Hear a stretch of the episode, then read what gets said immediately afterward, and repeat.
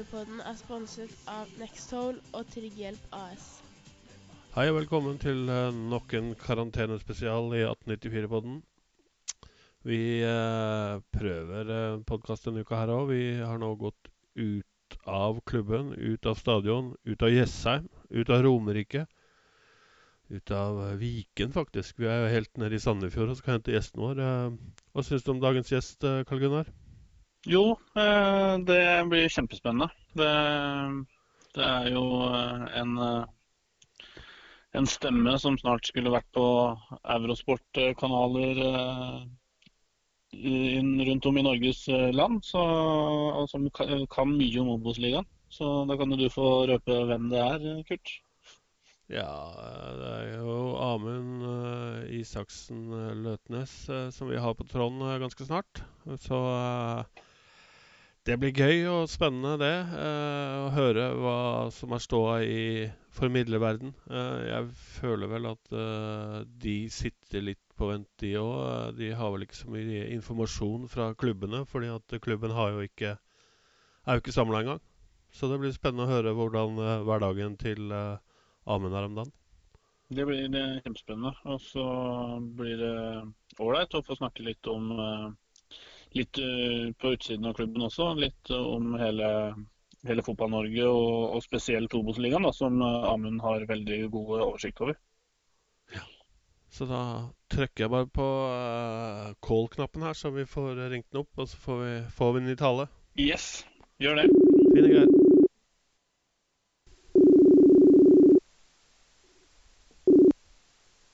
Hallo? Hallo, ja. Ja. God dag. God dag, god dag. Velkommen til 1894-podden. Eh, ja, tusen takk. En uh, nisjepod uh, her på Øvre Romerike. Noen vil kanskje det, dra det så langt og kalle det en nissepod òg, men uh, vi nøyer oss med nisj, nisjen vår, vi. Vi har jo hatt Vi har jo hatt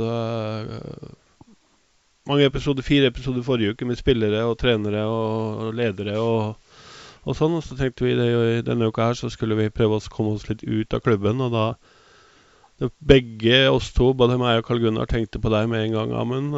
Ja. Hva er grunnen til det, tror du? Nei, nå har jeg jo fulgt Obos-ligaen ganske tett i ja, egentlig veldig, veldig mange år. Og nå de står da på, på Eurosport, da, så har det jo blitt eh, i hvert fall syns jeg det har gjort en, uh, blitt gjort en god del fokus på Eurosport og vist en del kamper, så jeg kan jo se for meg at dere sikkert har sett litt på TV? Ja, det skal du ikke se bort ifra. Vi prøver jo å være på stadion og reise på bortekamper, eh, nærme bortekamper og sånn, men nå, personlig så har jeg jo litt familie som, som skal bli tatt hensyn til. Så uh, det blir jo en del TV òg, da.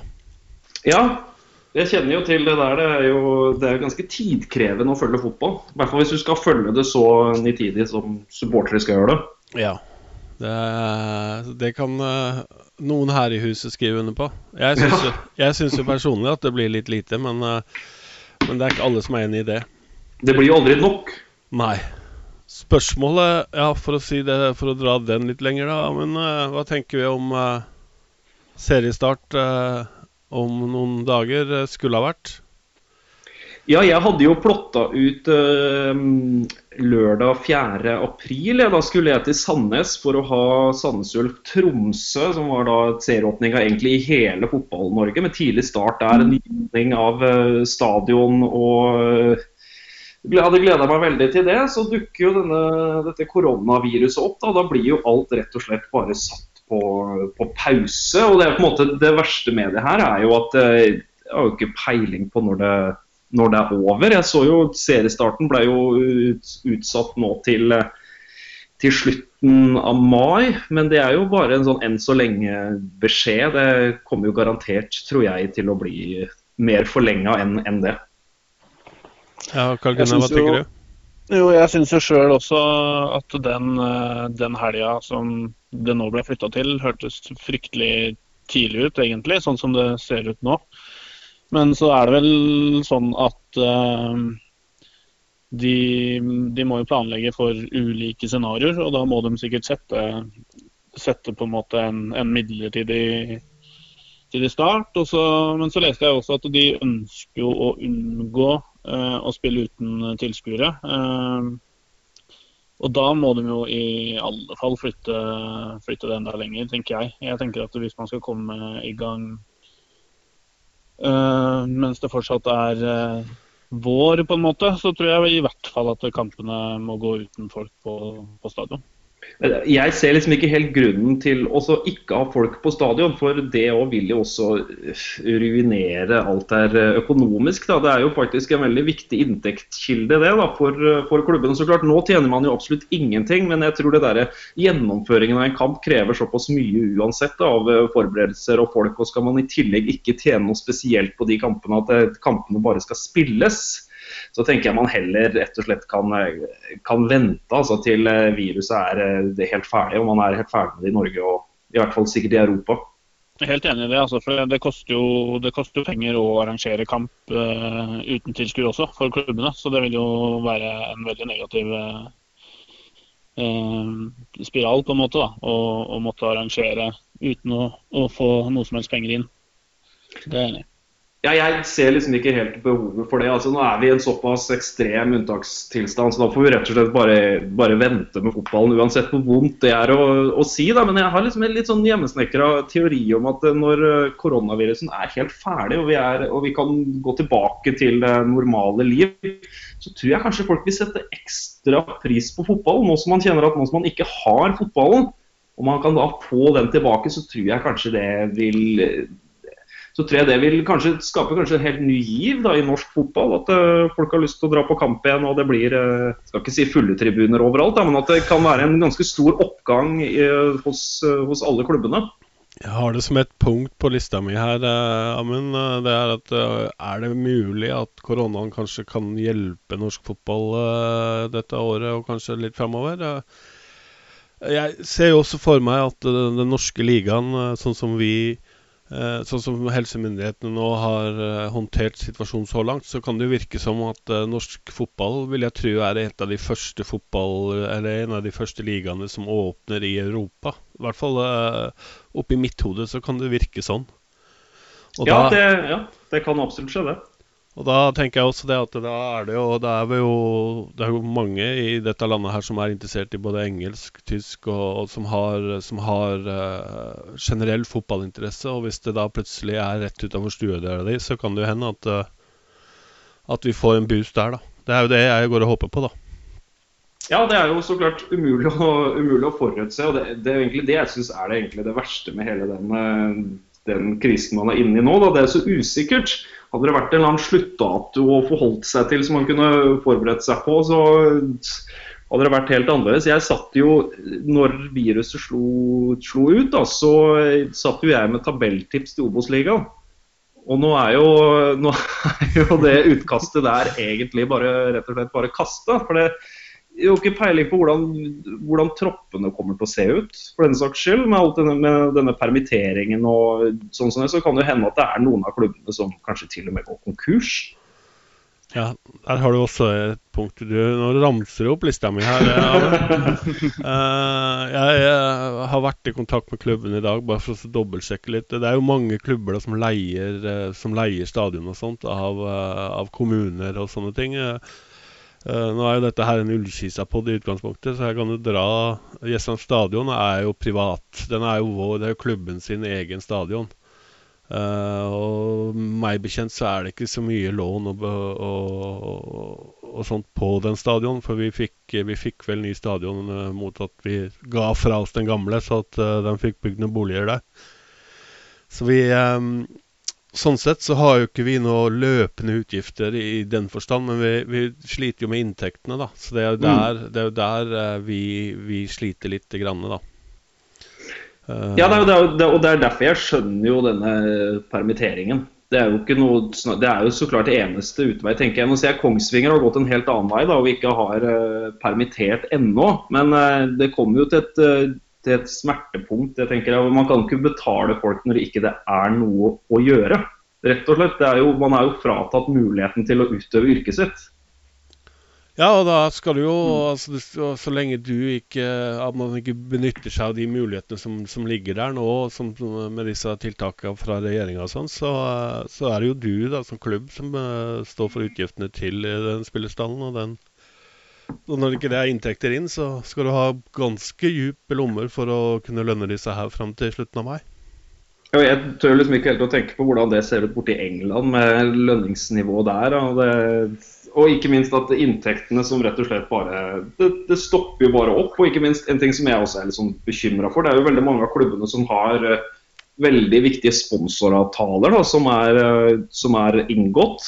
Og kanskje noen av, de, noen av sponsoravtalene kanskje har nylig blitt gjennomført. Kan man tenkes at de, at de pengene der ikke sitter så, så løst da. Så det er jo Jeg unner ingen å være noen daglig leder i en uh, fotballklubb uh, akkurat nå. Det tror, jeg er en, uh, det tror jeg er en meget krevende øvelse. Ikke minst også i Ullkisa, da, som vel ja, i disse dager her er i ferd med å bytte daglig leder òg, til Andreas Aalbu. Det er jo snakk om å bli kasta til ulvene, tenker nå jeg, òg. Ja, hva tenker du om det, Karl Gunnar? Jeg, eh, vi hadde jo den på podkasten her på torsdagen i forrige uke. Uh, han, uh, han nevnte vel sånn forsiktig at han kunne ha tenkt seg en litt annen uh, Det er jo 1.9. han tar over. Og da er det jo midt i den verste tida, vil jeg tro, i forhold til det å skal slokke småbranner rundt omkring. For det er jo det dette her blir. Du, vi må jo bare gå inn og så slokke de brannene som kommer, og så bite tenna sammen. Og du og Karl Gunnar, hva tenker du om uh, den situasjonen? Nei, altså Andreas eh, svarte jo litt på det sjøl. Eh, det eneste jeg vil si er for vår klubb ganske positivt, det er jo at Andreas har jobba allerede med marked lenge. Så han, han er jo allerede han, han kjenner på en måte allerede hele sponsorpoolen og, og har nok allerede eh, god kontakt med de. Og, og sånn sett, altså den delen av daglig lederjobben eh, Eh, tror jeg han har veldig god kontroll på allerede. Men det er jo, det er jo den Altså det vil jo bli et, en enorm arbeidsmengde egentlig på på alt administrasjon i norsk fotball, vil jeg tro, da, når vi kommer i gang igjen. For det, det, vil dukke opp en del problemstillinger som man aldri har egentlig hatt tidligere. Så selvfølgelig blir dette en, en tøff start for Andreas. Men uh, Amund, uh, nå har vi snakka litt generelt om klubber og Obos. og sånn. Hvordan ser din hverdag ut nå? Du snakka om at du hadde lagt en sånn eh, Hvor hadde du putta oss i den der eh, tabellen din, da? Nei, Ullkisa er veldig, veldig spent på øh, i 2020. Det var skuffende 2019, syns jeg. Da hadde, jeg, hadde jeg dere nok litt høyere på tabellen, og det ble nok ikke helt den sesongen man hadde trodd. Jeg tror nok det også kommer litt an på f.eks. sånn som skadesituasjonen sånn som til Nordmann Hansen, sånn som den var i fjor. Nå er jo ikke Nordmann Hansen der i år, og jeg sliter jo litt med å se hvem som skal banke inn mål. da. Det har jo vært noen, øh, det har jo vært noen kule spisstyper i i Ullkisa de siste årene. Jeg ser liksom ikke helt den i år, nå som også Trøen er, eh, er, eh, er skada. Altså, jeg hadde nok i mitt hode Ullkisa et sted mellom syvende til tiendeplass. Var det sånn det jeg, det jeg hadde tenkt. Men så klart så må man jo vente så lenge som mulig med tabelltips i Obos-ligaen. For at det kan komme inn helt vitale signeringer på deadline day som kan forandre nesten en hel sesong for Obos-ligaen. Det er jo såpass tett der at eh, kanskje den spissen som ender opp som tredjevalg i en eliteserieklubb, blir signert av en Obos-ligaklubb, og vips, så er liksom kanskje hele den eh, kabalen der eh, kabalen der i, i boks. Jeg liker bl.a. også veldig godt signeringa av Steffen Jensen. Jeg er egentlig litt overraska over at det er ingen andre klubber av litt større størrelse som har, som har, hoppa, som har hoppa på han. Mjøndalen var vel så vidt på han i sommeren sist. så Det, det syns jeg er en veldig veldig god signering. Og så mister man jo Erik Kitolano, som er blytungt, mener jeg. Det er en av de bedre spillerne i, i um, Obos-ligaen. Ole Breistøl, god i eh, Fram Larvik eh, i fjor, han for all del. Men er jo helt uprøvd på Obos-liganivå. Så det er veldig usikkert da, rundt, eh, rundt Ullkisa. Det er vel liksom det som var på en måte min konklusjon. Er Jeg ser ikke helt hvem som skal banke inn mål, og hvem som skal være poengkongen. Nei, ja, det er jo det vi også har snakka om, vi supporterne. Uh, vi, vi har vel etterlyst Vi prøvde jo å fiske fram nå når vi hadde både Trond og og Thomas. Og så hadde vi jo Andreas og Fredrik òg på en podkast i forrige uke. Uh, og situasjonen nå tilsvirer vel ikke Vi signerte, vi er vel faktisk den eneste klubben i Obos og Eliteserien som har signert en klubb under uh, koronakarakteren. Ja. Så, for vi signerte jo han Øy, han Edin Øy, uh, nå da han kom hjem fra Spania. Og de satt i karantene, så fikk vi de, den signeringa inn der. Og det er jo en spennende spiller som med med uh, litt ullkissa fingre på han, så, så, kan han fort bli en, den nye Kitolano. Altså, det, det, lille jeg har sett av han. da. Ja, det er jo en spiller som uh, man holdt veldig lenge på i Sogndal før man slapp den. Man hadde jo veldig tro på den der oppe, men så, så ville det seg ikke der. Har vært i Sverige en god stund nå, så det blir veldig spennende å se hva han kan uh, Ullkisa. Det er jo det med det der i Obos-ligaen. Der er det så små marginer. altså Der kan den ene lille signeringa være med å vippe, vippe, sesongen, vippe sesongen helt, altså. Men eh, det virker i hvert fall som det er ganske stabilt kanskje bakover hos, uh, hos Ullkisa. Det ser på en måte nesten ut som forsvarsfireren er intakt. Lars Ranger er jo ut, men uh, og keeper er bra hos, uh, hos Ullkisa. Enda mer, enda mer rutine på stoppeplass. Men så er det jo liksom når du tar bort sånne brikker som Erik uh, Kitolano, da, så, så, blir man jo veldig fort skadelidende. Ja, uh, så når, det er sagt igjen, da, så, så var han jo ikke briljant 30 ganger 90 minutter i fjor heller. Han har jo vært, han har vært ustabil, men på toppene der sånn, det, det er jo en grunn til at Tromsø henter han. da, de, de har vel sett den, det potensialet han har inne. Men eh, jeg tar heller en eh, god, stabil Obos-ligaspiller enn en, en, som du sitter og river av deg håret den ene kampen, og så neste, neste så har du bare lyst til å bære den ut på gullstol. Det er ganske frustrerende, det òg. Jeg kan vel si at jeg er enig med dere begge der, egentlig, litt. Altså, eh, Kitolano uh, hadde en del svake kamper i fjor også, men det var jo også litt pga. Laget. Uh, men han er også den, eh, den, spilleren med kanskje størst potensial med tanke på alder og ferdigheter som vi hadde i fjor. Så at han blir snappa opp, er ikke noe tvil om i det hele tatt. Uh, enig med Amund da at Steffen Jensen er en strålende signering. Fordi at han, vil, han, han, forsterker det forsvaret så mye at selv om, selv om han skulle ha noe på benken, på en måte, så vil han heve Sundli og Garnås betraktelig med tanke på, på konkurransesituasjonen. Så, fordi i fjor hadde vi to stoppere. Eh, det var det, altså. Det, og det er for lite. Så forsvarsrekka er bra, eh, og så har vi ekstremt bruk for en spiss. Så jeg syns Veit du ikke med han nye Wernie, da? Han Werner som man har lånt inn, man veit jo ikke helt hva man, eh, hva man, får der. da. Plutselig så er det 20-målsmannen i år. ikke sant? Det, det veit man jo aldri. Plutselig så er jo disse ungguttene slår bare ut i, ut i full blomst. Han har vært veldig god i Post Nord-ligaen, og som vi har sett de siste sesongene i uh, Obos-ligaen og Post Nord. Se de lagene som rykker opp fra Post Nord-ligaen, har som regel ikke noe problem med å etablere seg i uh, i, um, i, ligaen. og Det, det syns jeg faktisk er noe av det mest interessante med Obos-ligaen. Det er å se disse kvalikkampene hvor man ser hvor liten forskjell det er, og hvor viktig det er å klamre seg fast med nebb og klør i Obos-ligaen. For å komme opp igjen er nesten umulig. Ja, og så, og så etter at det, vi la om fra, to, fra fire til to ned, så, så, er det blitt mer det, Jeg føler at det har blitt mer sånn stabilt. Uh, at uh, du slipper å sove med ene øye oppe uh, i august, september, oktober. Fordi at du har litt du har litt dårlig uh, magefølelse. Så det Jeg syns det, det, er greit. Og så er det jo Det er jo spissa. Det er jo en resultat av spissinga av uh, Post Nordligaen òg, dette her. Og det er, det er jo mange klubber i Post Nord som har vel så store budsjetter som det vi har oppe i, oppe i Obos-ligaen.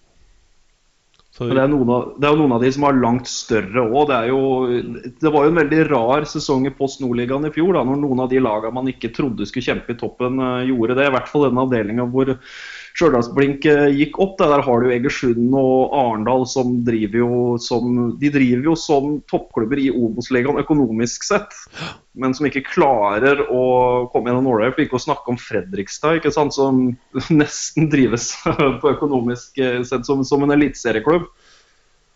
Ja, det er, eh, det er eh, Men så viser det også Historien viser jo det at uh, penger på bok er ikke det samme som å ha et godt fotballag. Så det Jeg trøster meg med det. Så langt derifra.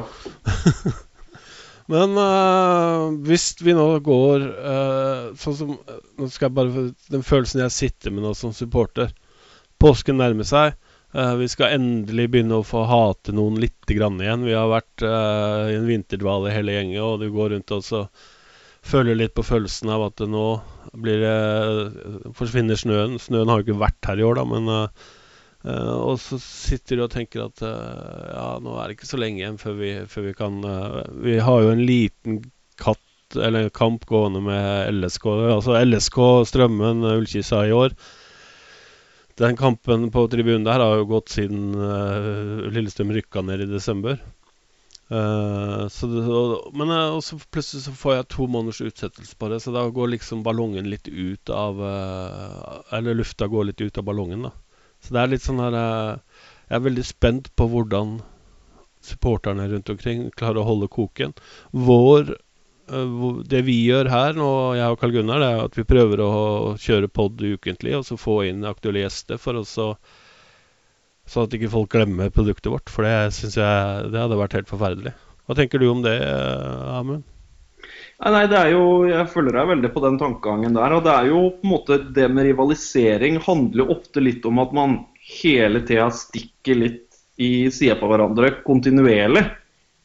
Det er jo liksom på en måte den ene nyhetsartikkelen hvor f.eks. Ole Martin Espquist kommer ut og sier et eller annet småfrekt, så kan det tennes, ikke så, så kan den gnisten tennes. og Det er jo det riktig som du sier, at det må jo, må jo opprettholdes eh, hele tida. Og det aller, aller beste for å opprettholde rivalisering er jo å spille kamper. Er jo å spille kamper mot de og å skape de historiene som det ofte blir i fotballkamper. Det, det, ene målet som skulle vært offsides, det, det, det, ene situasjonen som skulle endt i et rødt kort, da kunne vi vunnet kampen. Det er jo, liksom, er jo sånne, sånne, ting som er det viktigste for, for uh, rivaliseringa. Det er jo det er jo litt sånn snodig tilværelse for klubben nå når de ansatte er satt ut i permisjon nå. Da får man liksom ikke, da får man ikke den, den samme, samme, hyppigheten på sosiale medier f.eks. Hvor, man hvor man kan uh, erte hverandre litt og, og holde koken. Så det er jo en, det er jo en veldig utfordrende situasjon på alle. For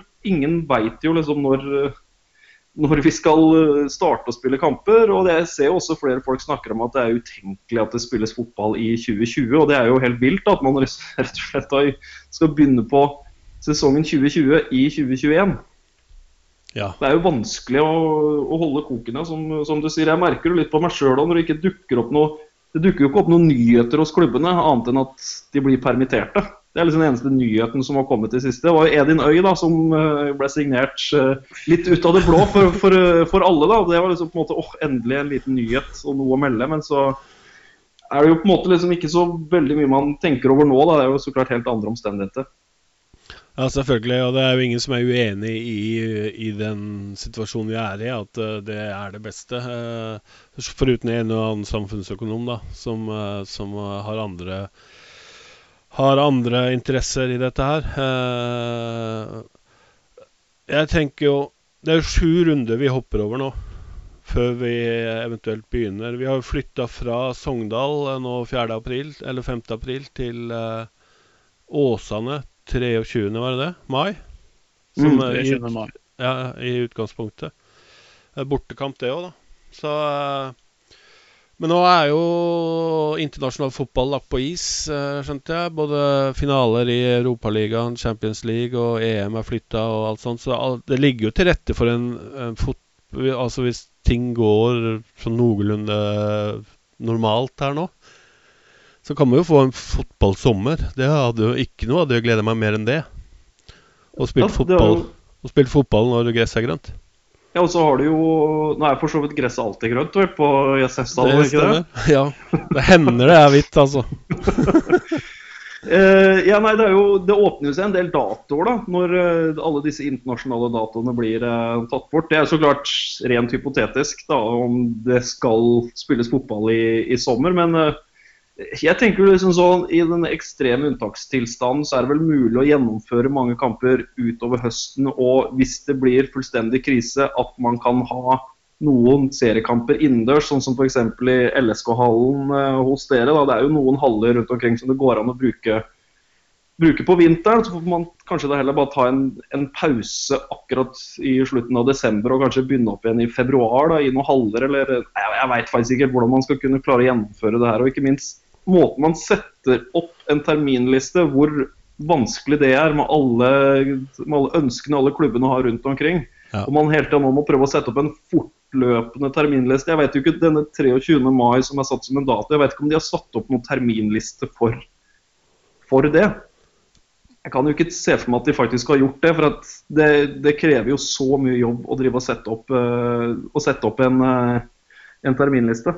Jeg tenker jo det at de sju rundene før den 23. mai der, eh, de blir dytta inn i, som midtukekamper etter hvert.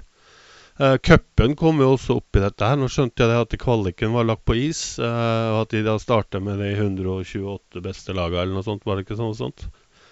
Uh, det hørte jeg bare bak øret her for ikke så lenge siden. Men Cupen er jo kanskje noe man eventuelt da må ofre, for jeg føler vel at det er viktig. Men altså, da er det jo breddeklubbene igjen som får svi for det, da. De 100 000 kronene de skulle ha hatt inn når de får uh, Lille, eller Vålerenga eller et annet eliteserielag på besøk. Så det, det er ikke lett å tilfredsstille alle nå framover, vil jeg tro. Nei, det er, det er vel umulig. og det er vel, det er vel nesten 5,5 millioner mennesker som bor i Norge. Og alle har vel sin egen lille story og sin egen oppfatning av hvordan de har blitt eh, ramma av eh, koronaviruset. Det var jo på en måte liksom sånn for meg da, Plutselig så ble det jo tatt bort et veldig viktig inntekts, inntektsgrunnlag for meg da, med, med, med, fotballen. og det er jo Alle har jo sin egen story rundt dette her. Da. Jeg kan liksom ikke se for meg at det er så veldig mange i Norge som kommer godt ut av en sånn krise som vi er nå. Og ja, de breddeklubbene, hvis det ender med at, at uh, cupen blir tatt bort, så er det så klart uh, veldig kjipt, det. Men jeg tenker nesten heller bedre Hvis man har tenkt å fullføre sesongen i 2020, så burde man jo ta bort cupen. Det åpner jo seg faktisk noen datoer der òg. Ja. Um, Karl Gunnar, hva tenker du, da? Du er jo, du er jo uh, Solan Gundersen uh, i våre klan. Litt sånn realist-pessimist. blir det fotball i år?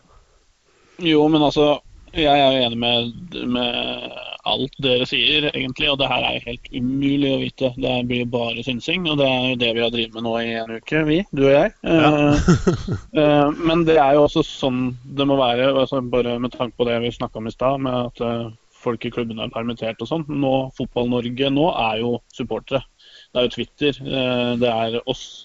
Det er vi som faktisk må holde hjula i gang. fordi at og eh, holde engasjementet oppe. Når tenk, med tanke på kamper som dere snakker om, da, så jeg tror ikke dette her går fort over. Men hvis, skulle, hvis man kommer i gang med kamper i, i sommer, så håper jeg, håper jeg, virkelig at det blir spilt uh, norske fotballkamper gjennom hele sommeren. At, ikke, at de ikke Eh, begynner å snakke om at spillere skal ha ferie og ditt og datt og alt mulig sånn. fordi jeg tror ikke spillere ønsker det. Jeg tror spillere vil spille kamper. Jeg tror at man kunne spilt kamper i hele juli for den saks skyld. Eh, om, om, det er mulig, med tanke på helse og sånne ting. Men eh, fordi at er, jeg tror ingen av spillere og familiene deres har bestilt seg ferietur til eh, Ayanapa nå uansett.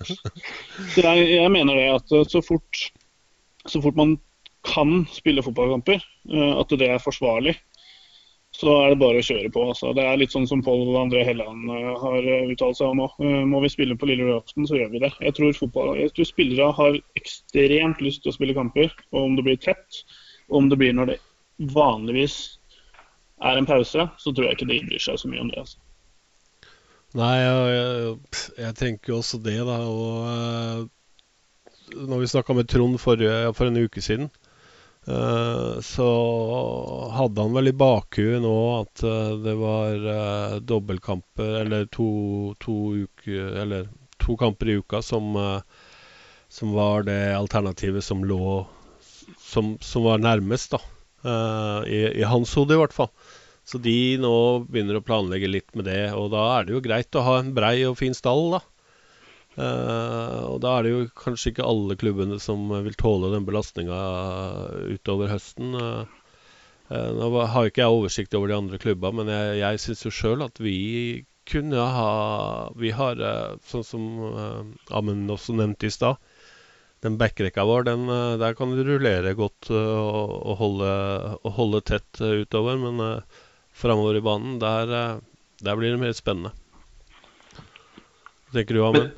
Ja, nei, men Det er også det som liksom er litt prisen å betale i fotball. da. Sånn, den økonomiske situasjonen til Strømmen vil jo alltid se helt annerledes ut enn Lillestrøm. Lillestrøm vil jo ut, i utgangspunktet ha en mye større stall og en bredere stall. og Det er jo på en måte bare sånn det er egentlig i, i fotballen. Noen har ikke råd til å ha dobbeltdekning eh, overalt. så sånn er jo egentlig bare hele fotballens natur. Da. Man kan liksom ikke kalle det urettferdig, for har man ikke penger, så, så har man jo ikke penger. og så klart, eh, Dobbeltkamp for alle klubbene i Obos-ligaen vil jo eller altså To kamper i uka vil jo være blytungt for de aller fleste um, lagene i Obos-ligaen. Men igjen da, så er det liksom en sånn unntakstilstand som også ble nevnt tidligere her, da, at eh, jeg tror spillerne er fryktelig spillesugne til å til å rett og slett uh, komme i gang. Så jeg tror ikke det er så veldig mange som kommer til å mase om en ferie nå.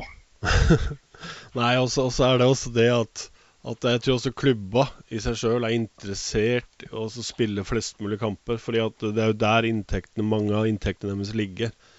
Så at, uh, at, de ikke får trent gjennom de hardeste periodene, bare restitusjon og så ut på ny kamp og, og sånn. Og bare sånn at man får gjennomført dette her. Og så får man se åssen det ender opp til slutt. Det er jo uh, det er jo spenninga der nå, da. Uh, det, er, det, ligger jo litt andre premisser nå i forhold til, i forhold til det å ta poeng etter hvert, uh, når vi nå først setter i gang. Føler jeg. I og med at det, For det vil jo bli et tyngre kampprogram nødvendigvis hvis vi skal komme oss gjennom 30 runder. Så det. Ja, nei, jeg har jo også hørt noe potensielle scenarioer om at man skal kutte sesongen i to. Da, at man bare spiller halvparten av eh, kampene. Det er jo så klart også en mulighet i en ekstrem unntakstilstand. Da blir man så klart fratatt en god del hjemmekamper og, og med tanke på inntektsgrunnlaget. da, og så er det jo liksom en sesong som kommer i 2021 nå, og så skal man liksom spise seg inn på den med årets, eh, med årets sesong. Det er jo utallige muligheter her for men scenarioet er jeg jo hørt at eh, smitta skal vi nå en eller annen slån topp i mai. Jeg vet ikke hvor bekrefta det er, da, men eh, det betyr jo det at eh, da begynner jo ikke vi med fotballen i mai. Og så kommer fort sommeren, og så kommer fort høsten. Og vi vet jo alle hvordan det er på høsten i norsk fotball. Da er det, da er det bikkjekaldt, rett og slett. Eller sånn som faktisk på sommeren, da, for å ta en, for en Ullkisa-link her, så tror jeg kanskje det er en av de varmeste arenaene i hele Norge. ja, vi er, vi er Når vi først får vind inn der, du, så er den jo sønnavind, og da er den jo varm. Og, og hvis det kommer et, bris fra nord, så skjermer jo så skjermer skolen godt. Og så er det, er det, Jeg husker det hadde en kamp eh, om det var i jeg tror det var i 2018. Det var på sitt aller varmeste. Da var det oppimot eh, jeg tror det var 35 grader. Ja. De skulle møte Tromsdalen hjemme. Du skulle sett når de Tromsdalen-gutta kom ut på banen for å sjekke alle skjerma øya sine. og Da var det sludd og fire grader, tror jeg, oppe i, oppe i Tromsø.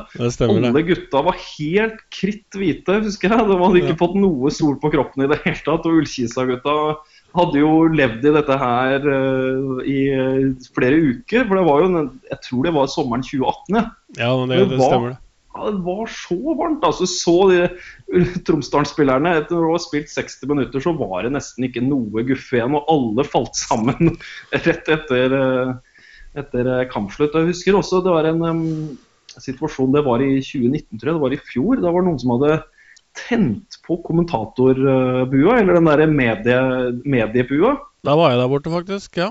Ja, Det tror jeg er den verste lukta jeg har vært borti i hele verden. En sånn svidd, gammel gummi. Det var, eh, det var faktisk eh, vifte, varmevifte der borte som hadde gått varm. Eh, eller sånn Ikke varmevifte, men sånn vifte som hadde gått litt for fort, så det hadde tatt fyr. Så vi hadde fått slokka den, da. Men det lukta visst ikke noe særlig der borte, hadde jeg skjønt, eh, skjønt på gutta som var der borte.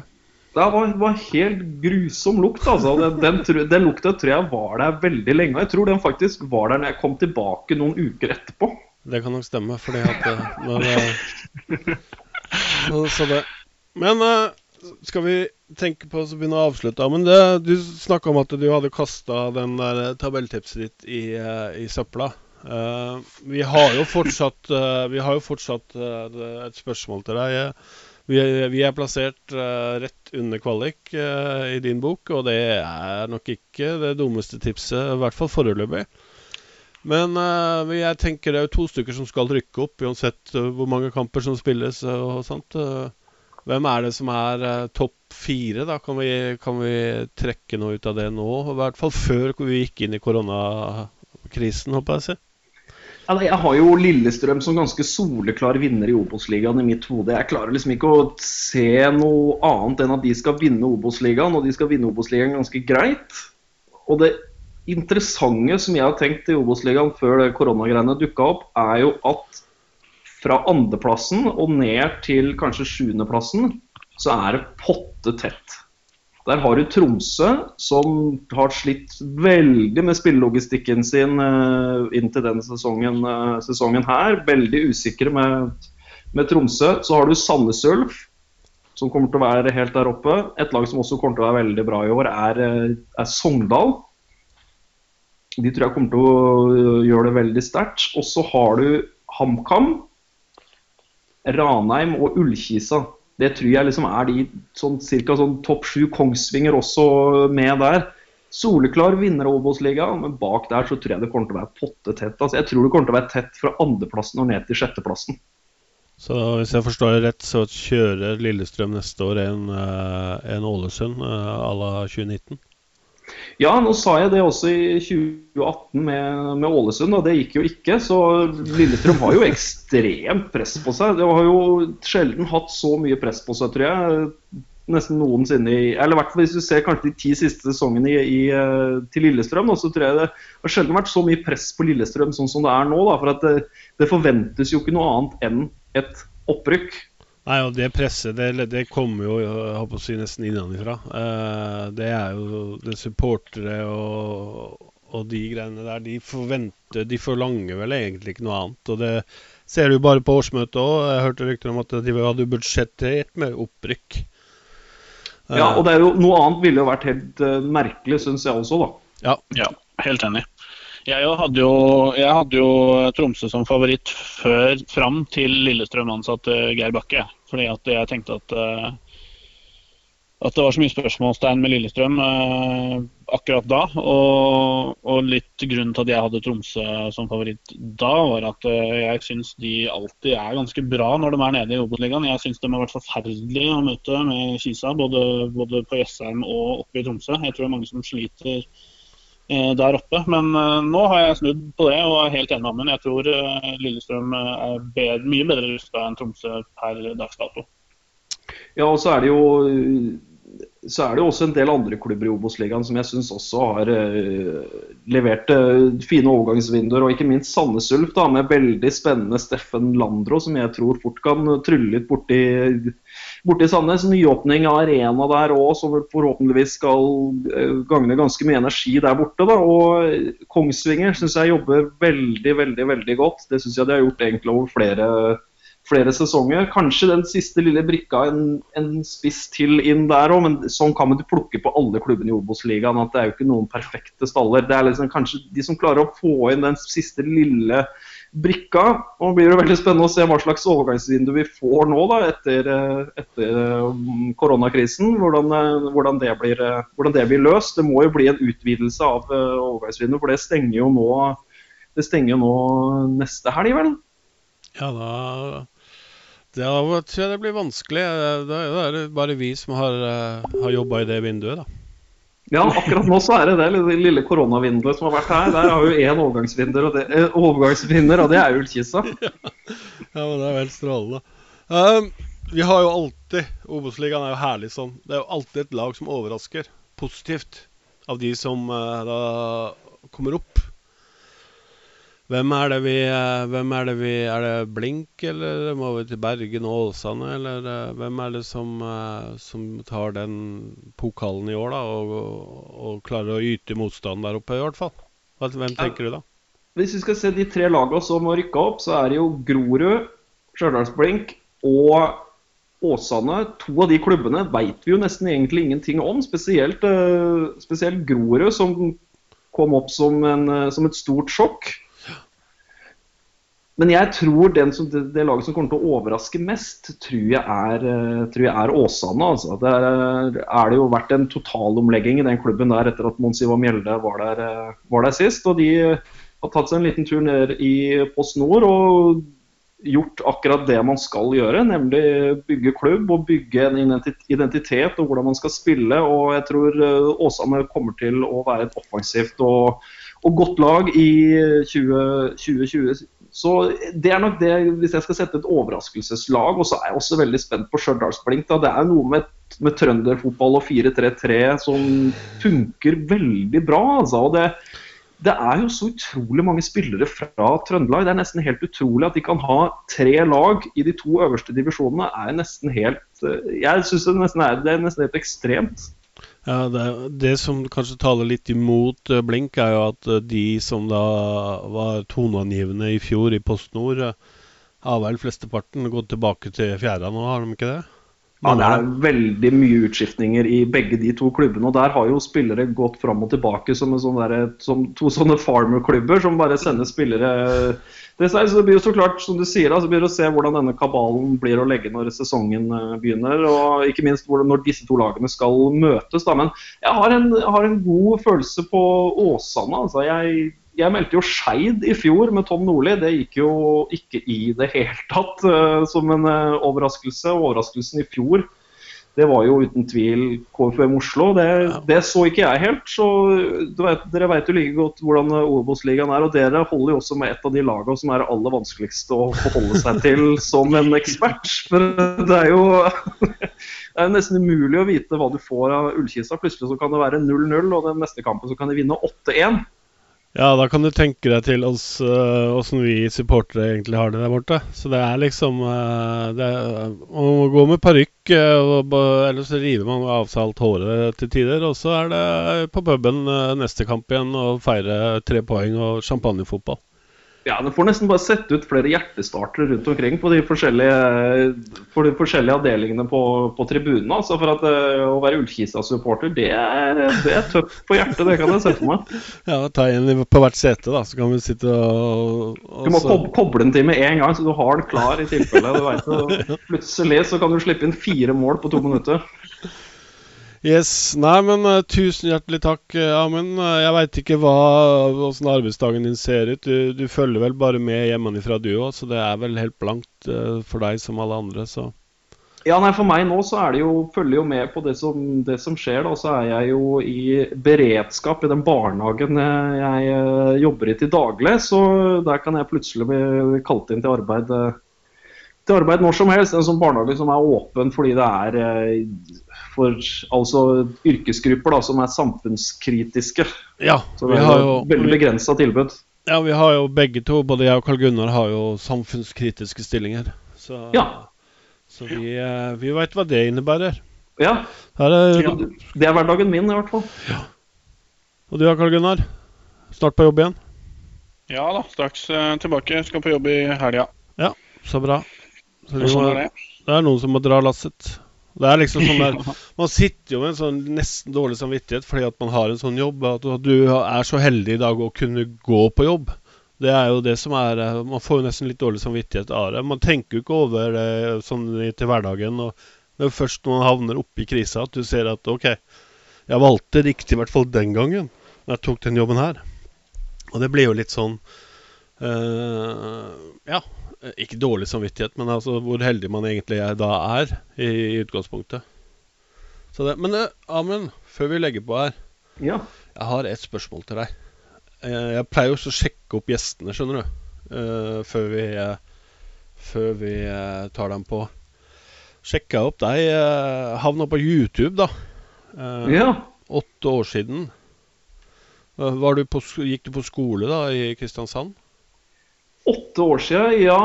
Jeg bodde jo, jeg bodde jo ti år i eh, Kristiansand. Flytta til Sandefjord sommeren 2019, så da gikk jeg på skolen i Kristiansand, ja. Den derre Vikingtokt, er det Ja, det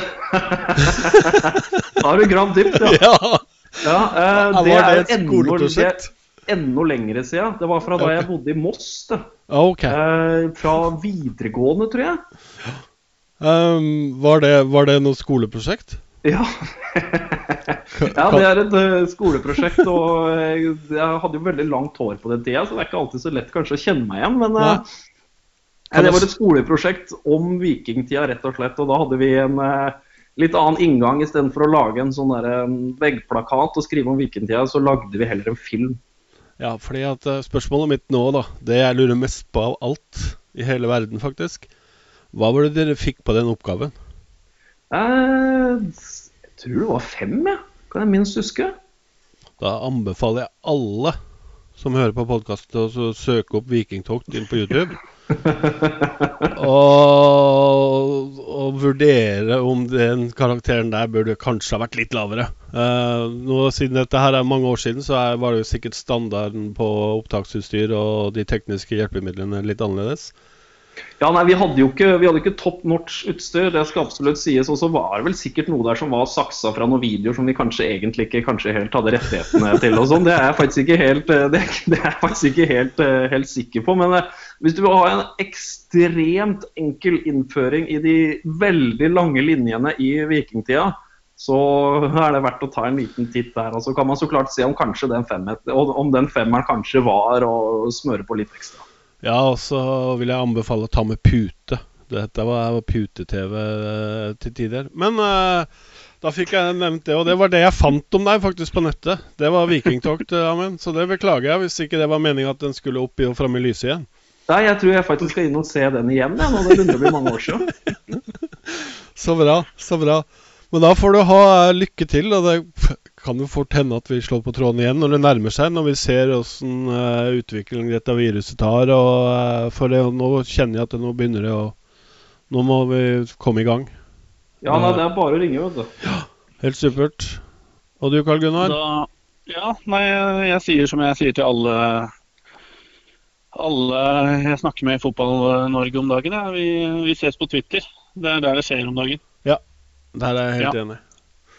Tusen hjertelig takk for samtalen, Amund. Og så eh, får du bare holde deg i ro, sånn som vi andre gjør. Og så eh, hø høres vi i hvert fall eh, etter hvert.